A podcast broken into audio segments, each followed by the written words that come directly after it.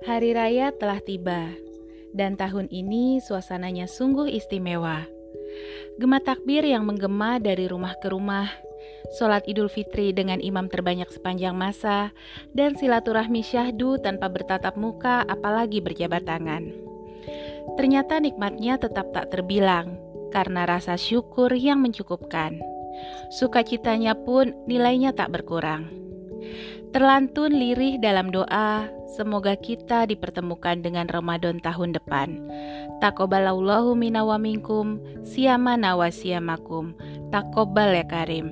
Mohon maaf lahir batin dari Diah Putri dan keluarga.